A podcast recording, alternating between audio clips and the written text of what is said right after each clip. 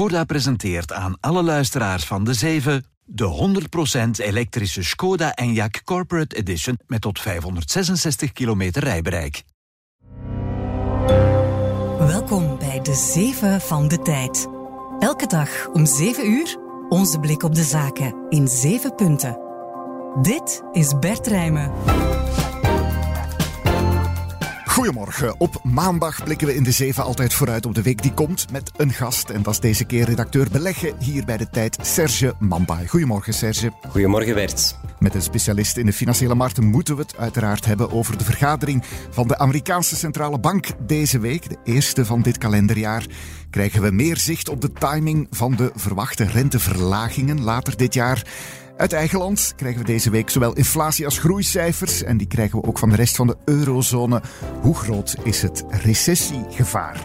En deze week komen heel wat grote jongens met kwartaalresultaten in Europa, maar ook in de VS. Eh, van enkele namen uit die befaamde Magnificent Seven onder meer. Of moeten we tegenwoordig spreken over de Super Six? Het is maandag 29 januari. Welkom. De 7 van de tijd. 1. Het event van de week is voor beleggers ongetwijfeld de vergadering van de Federal Reserve, Amerikaanse centrale bank, nu woensdag. Over dat rentebesluit zelf bestaat nogthans weinig twijfel. Deze week zal er niks veranderen. Vork blijft daar op 5,25 tot 5,5 procent. Toch een vergadering, Serge, waar we naar uitkijken. Waarom? Ja, absoluut. Dat wordt het belangrijkste wapenfeit uh, van de week. Ja. Uh, de rente bepaalt al, al anderhalf jaar de bewegingen op de financiële markten. En het ziet er naar uit dat dat nog een hele tijd zal voortduren. Hè. Uh, een hoge rente is nodig om de inflatie te bestrijden, dat weten we allemaal. Maar is ook negatief voor de beurs. Het maakt leden duurder voor de bedrijven en de gezinnen. Het drukt ook op de waardering van aandelen. Nu, als die rente zou zakken, mm -hmm. dan krijgen we een omgekeerd effect. Lagere rente stimuleert dan de economie en verhoogt de waarde van aandelen. Dus zouden we een positief effect voor de beurzen krijgen. Inderdaad. Dus nu woensdag, ja, kijken we vooral uit Serge naar een bevestiging van dat vooruitzicht door uh, Jerome Powell, de voorzitter. Ja, de, hij zal waarschijnlijk uh, de rente onveranderd laten op 5,25 à 5,50 procent. De Federal Reserve werkt, altijd in een soort vork. Mm -hmm. uh, belangrijk is, wat zal voorzitter Jerome Powell daarbij zeggen? Ja. Uh, zal hij hints geven over de timing van de eerste renteverlaging? Want de markt calculeert al meerdere renteverlagingen in dit jaar. Misschien de eerste al in maart. sommigen denken eerder aan mei. Ehm, de Federal Reserve zelf heeft verschillende bestuurders en die maakt al gewacht van drie renteverlagingen dit jaar. Wat verwacht jij dan van ja, die uitleg wat, wat we nog te horen gaan krijgen, Ser? Wel, ik verwacht dat Powell, uh, hoe zou ik dat noemen, uh, streng duivachtig gaat zijn, uh, zoals hij in december was. Mm -hmm. Hij zal wellicht zeggen dat hij rente op zijn piek zit, maar dat er geen imminente reden is om die te verlagen. Mm -hmm. En als we dan naar die Amerikaanse economie kijken, dan zien we enerzijds, ja, die inflatie die zakt naar een beheersbaar pijl uh, van nu 3,4 procent. Dat was iets meer dan verwacht vorige keer. Maar de verlopende indicatoren, zoals de prijzen die de producenten betalen bijvoorbeeld, die zakten nog. Dus dat ziet er uh, op termijn wel goed uit. Maar anderzijds zie je ook dat die Amerikaanse economie op een zeer hoog toerental blijft draaien. Uh, we zagen bijvoorbeeld in december de gezinnen meer uitgeven dan verwacht. die economie die groeide in de VS ook nog met 3,3 procent in het vierde kwartaal. Dat was veel meer dan de verwachte 2%. En dat betekent dat die arbeidsmarkt erg krap blijft. En dat zorgt voor hogere lonen natuurlijk. En we weten allemaal, als de lonen stijgen, drijft dat vaak ook de prijzen hoger. Dus uh, toch heel belangrijk om in toog te houden. 2. Amerikaanse economie draait op volle toeren, zeg je, Serge. Is dat ook zo voor de Europese economie? Gaan we morgen te weten komen. Eurostat, het Europees Statistiekbureau, publiceert dan de groeicijfers voor de EU27 en ook voor de eurozone. Cijfers over het vierde kwartaal van vorig jaar. Uh, meer bepaald, wat verwacht je daar, Serge? Wel, die cijfers zullen er zeker iets minder gunstig uitzien uh, dan in de Verenigde Staten. -hmm. uh, economen verwachten dat de economie in de eurozone in het laatste kwartaal vorig jaar met 0,1% is gekrompen. Ook in het derde kwartaal was er al een daling van 0,1%. Nu Bert, als we de economische handboeken gaan bekijken, ja. als we twee kwartalen hebben met een dalende economische activiteit, mm -hmm. ja, dan spreken we over een recessie. Wat wel positief is natuurlijk, is dat wij bij de landen horen uh, waarvoor economen nog wel een groei verwachten, samen met Nederland bijvoorbeeld. Mm -hmm. Maar voor Frankrijk en zeker voor Duitsland uh, worden echt negatieve cijfers verwacht. 3. misschien krijgen we vandaag al bevestiging van die groei in eigen land. De Nationale Bank komt met cijfers van het vierde kwartaal. December gingen ze in uh, hun eigen prognoses uit van een groei van 0,3 procent in dat laatste kwart van 23. Maar voor heel het jaar zou de groei uitkomen op anderhalf procent. Waaraan ligt dat, Serge? Waarom ja, hier geen recessie zoals uh, dat wel het geval is in andere Europese lidstaten? Wel, we mogen niet vergeten dat er hier nog uh, verschillende dingen echt goed gaan in België. Hè. Mhm. Uh, in de eerste plaats gaat het goed met uh, de gezinnen. die blijven vlot spenderen. onze koopkracht is eigenlijk relatief goed beschermd dankzij de indexatie van de lonen, de indexatie van de uitkeringen, Mhm. wat in andere landen niet het geval is. ook onze overheidsinvesteringen nemen nog toe. Dat is misschien iets minder positief, want dat draagt wel bij aan de economie natuurlijk. Hè. en dat gaat zeker ook in 2024 zo zijn, want in een verkiezingsjaar zien we dat de politici altijd nog meer uitgeven dan in andere jaren. Uh, zij willen ons, zij willen onze, de kiezer, uh, gunstig stemmen. Vandaar uh, dat ze ook iets meer gaan spenderen. Ja, dat zorgt voor economische groei. Dat zijn ja, de stimuli, zeg maar. Wat kan die economie bij ons afremmen? Wel, Zeker in de eerste plaats de export. Bedrijven die veel uitvoeren, die hebben het relatief moeilijk. Uh, in de eerste plaats omdat onze economie, omdat de economie in de buurlanden krimpt. Ook China importeert minder. En in de Verenigde Staten zien we al twee presidenten uh, een America First politiek voeren. dat betekent dat de nadruk ligt op meer produceren in de Verenigde Staten zelf. Dat heeft natuurlijk ook negatieve gevolgen voor ons. En dan, wat we ook niet mogen onderschatten natuurlijk, is ja, als je even rondkijkt, je ziet meer meer huizen en appartementen te koop. De vastgoedmarkt heeft het lastig. De bouw heeft het lastig wegens de hoge rente en de hogere prijzen. En dat gaat onze economie ook wel afremmen. Ja, dat is uh, die economische groei. Serge, er is natuurlijk ook inflatie. Uh, krijgen we deze week ook cijfers over uit eigen land. Stadbel doet dat, Belgisch Statistiek Bureau. Morgen zullen we de inflatiecijfers kennen voor januari. hoe kijk je daarnaar? Wel, voor de inflatie verwachten we toch iets minder goed nieuws. Die zou in ons land januari gestegen zijn van 1,35% in december naar 1,56%. Mhm. Dat komt vooral omdat de vergelijking van de energieprijzen met een jaar geleden iets minder gunstig is. Ja. En uh, daarnaast blijven we ook kampen met uh, forse prijsstijgingen voor voeding. Uh, vergeet niet dat vele fabrikanten nieuwe prijzen invoeren in januari en dat we nog altijd meer stijgingen dan dalingen zien op de etiketjes in onze supermarkt. Maar al bij al, ja, een goede 1,5% inflatie is zeker niet dramatisch en ligt ook onder de doelstelling van 2% van de Europese Centrale Bank. Heel wat Europese bedrijven komen deze week met resultaten. Daarbij onder meer de producent van de vermakeringspil Ozempic, het Deense farmabedrijf Novo Nordisk. Die komen woensdag met cijfers. Een dag later is er ook de Franse sectorgenoot Sanofi die met cijfers komt. Uh, de bouwer van de snelle luxewagens van Ferrari, die gaat ook laten weten hoe ze het gedaan hebben deze week. En nog op donderdag uh, uh, de cijfers van de banken BNP Paribas, ING en Deutsche Bank, grote namen in Europa. Waar ben jij naar benieuwd, Serge? Wel, uh, in de eerste plaats de bedrijven die het al uh, redelijk goed doen. Hè, en dan ook Mhm. uh, tot de top van Europa horen. Novo Nordisk bijvoorbeeld kan de vraag naar zijn vermageringspillen niet volgen. Die cijfers zullen zeker goed zijn. Ferrari-kopers zijn meestal zo rijk dat ze niet wakker liggen van wat mindere economische activiteit of die hogere prijzen. we zagen vorige week al bij de cijfers van LVMH, uh, dus de maker van de Louis Vuitton uh, chacosje, dat uh, topluxe, maar ik bedoel dan echt het allerhoogste segment van de markt, Mhm. het zeker goed blijft doen.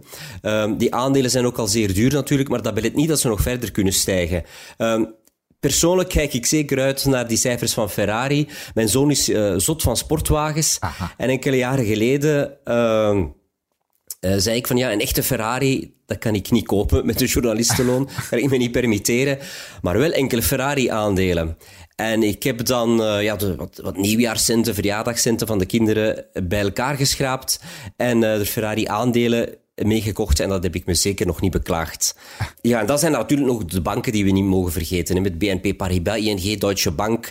Uh, die banken kunnen wel wat last hebben van een lagere kredietvraag, zeker vanuit het vastgoed en van de bedrijven.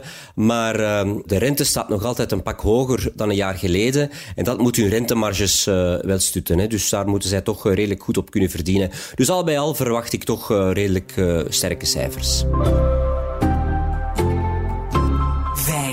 Kijken ook uh, naar de VS, want daar zijn ook grote resultaten op komst van een aantal namen uit die Magnificent Seven, de Amerikaanse techreuzen, zeg maar. Uh, Magnificent Seven, Serge, maar tegenwoordig hoor ik ook vaak Super Six vallen. Hoe zit dat? Ja, de bekende Amerikaanse beurscommentator Jim Cramer heeft vorige week gezegd van ja, uh, laat ons van die zeven Tesla er toch uitgooien. Tesla heeft veel te veel problemen om nog deel uit te maken van de Magnificent Seven, vindt hij.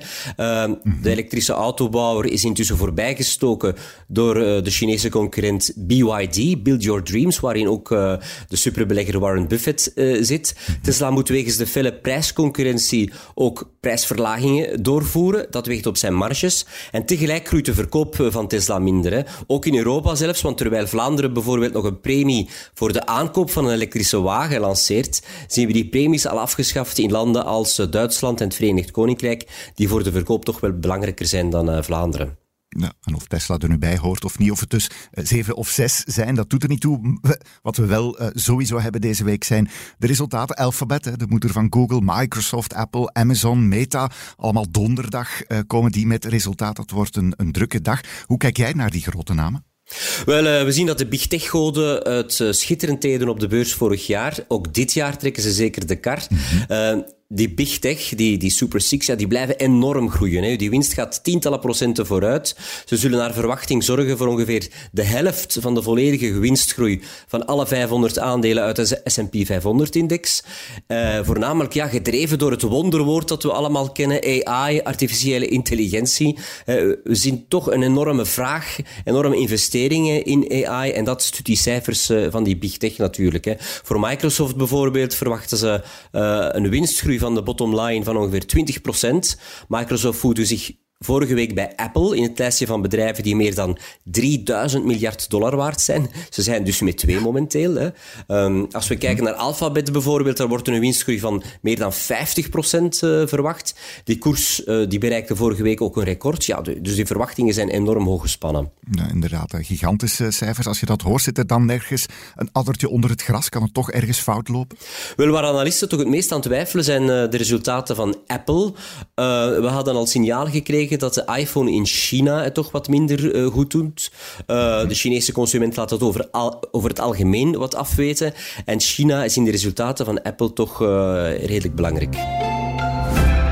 Zes. Internationaal dan, want in het Midden-Oosten is het afwachten wat de gevolgen zullen zijn van de drone-aanval in Jordanië, waarbij drie Amerikaanse soldaten om het leven kwamen. De VS zeggen dat die aanval is uitgevoerd door radicale groeperingen die gesteund worden door Iran.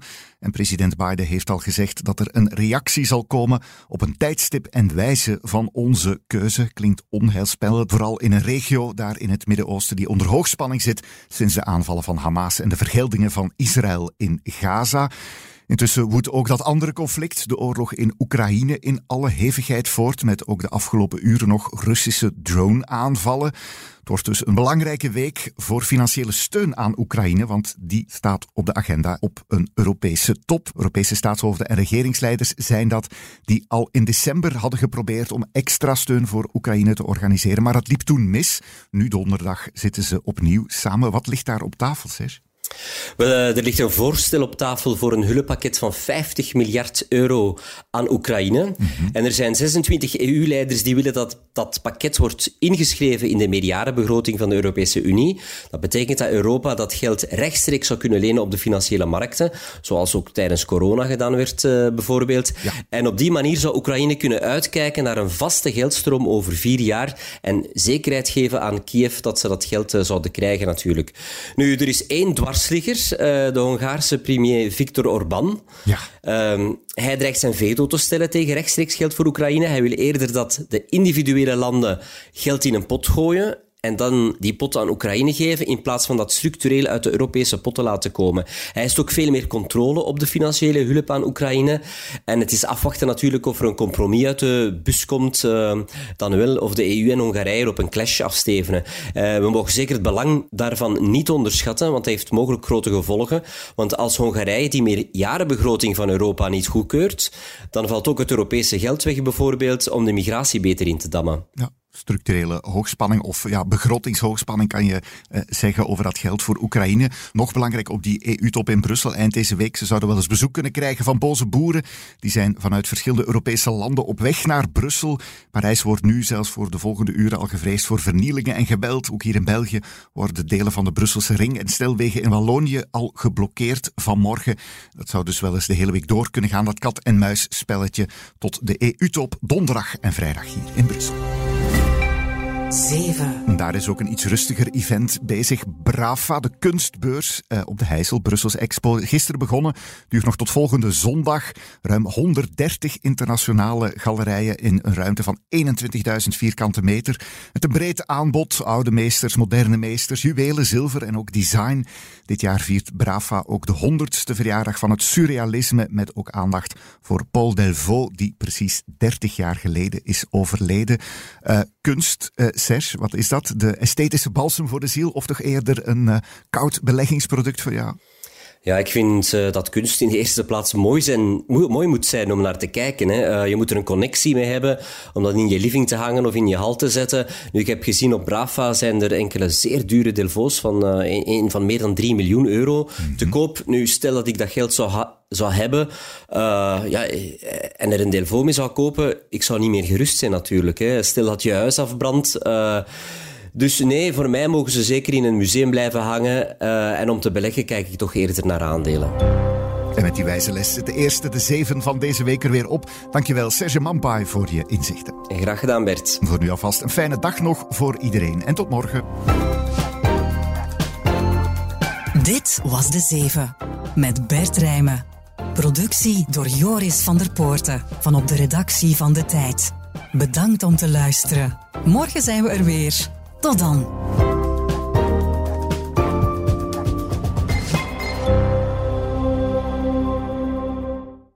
Je Skoda bedrijfswagen moet een groot rijbereik hebben, 100% elektrisch en fiscaal aftrekbaar zijn en hij moet ook plek hebben voor mijn mountainbike. Je bedrijfswagen is vooral ook de wagen van je gezin. Ontdek nu de 100% elektrische Skoda Enyaq Corporate Edition met tot 566 kilometer rijbereik. Meer info op promo.skoda.be of bij je concessiehouder. Skoda.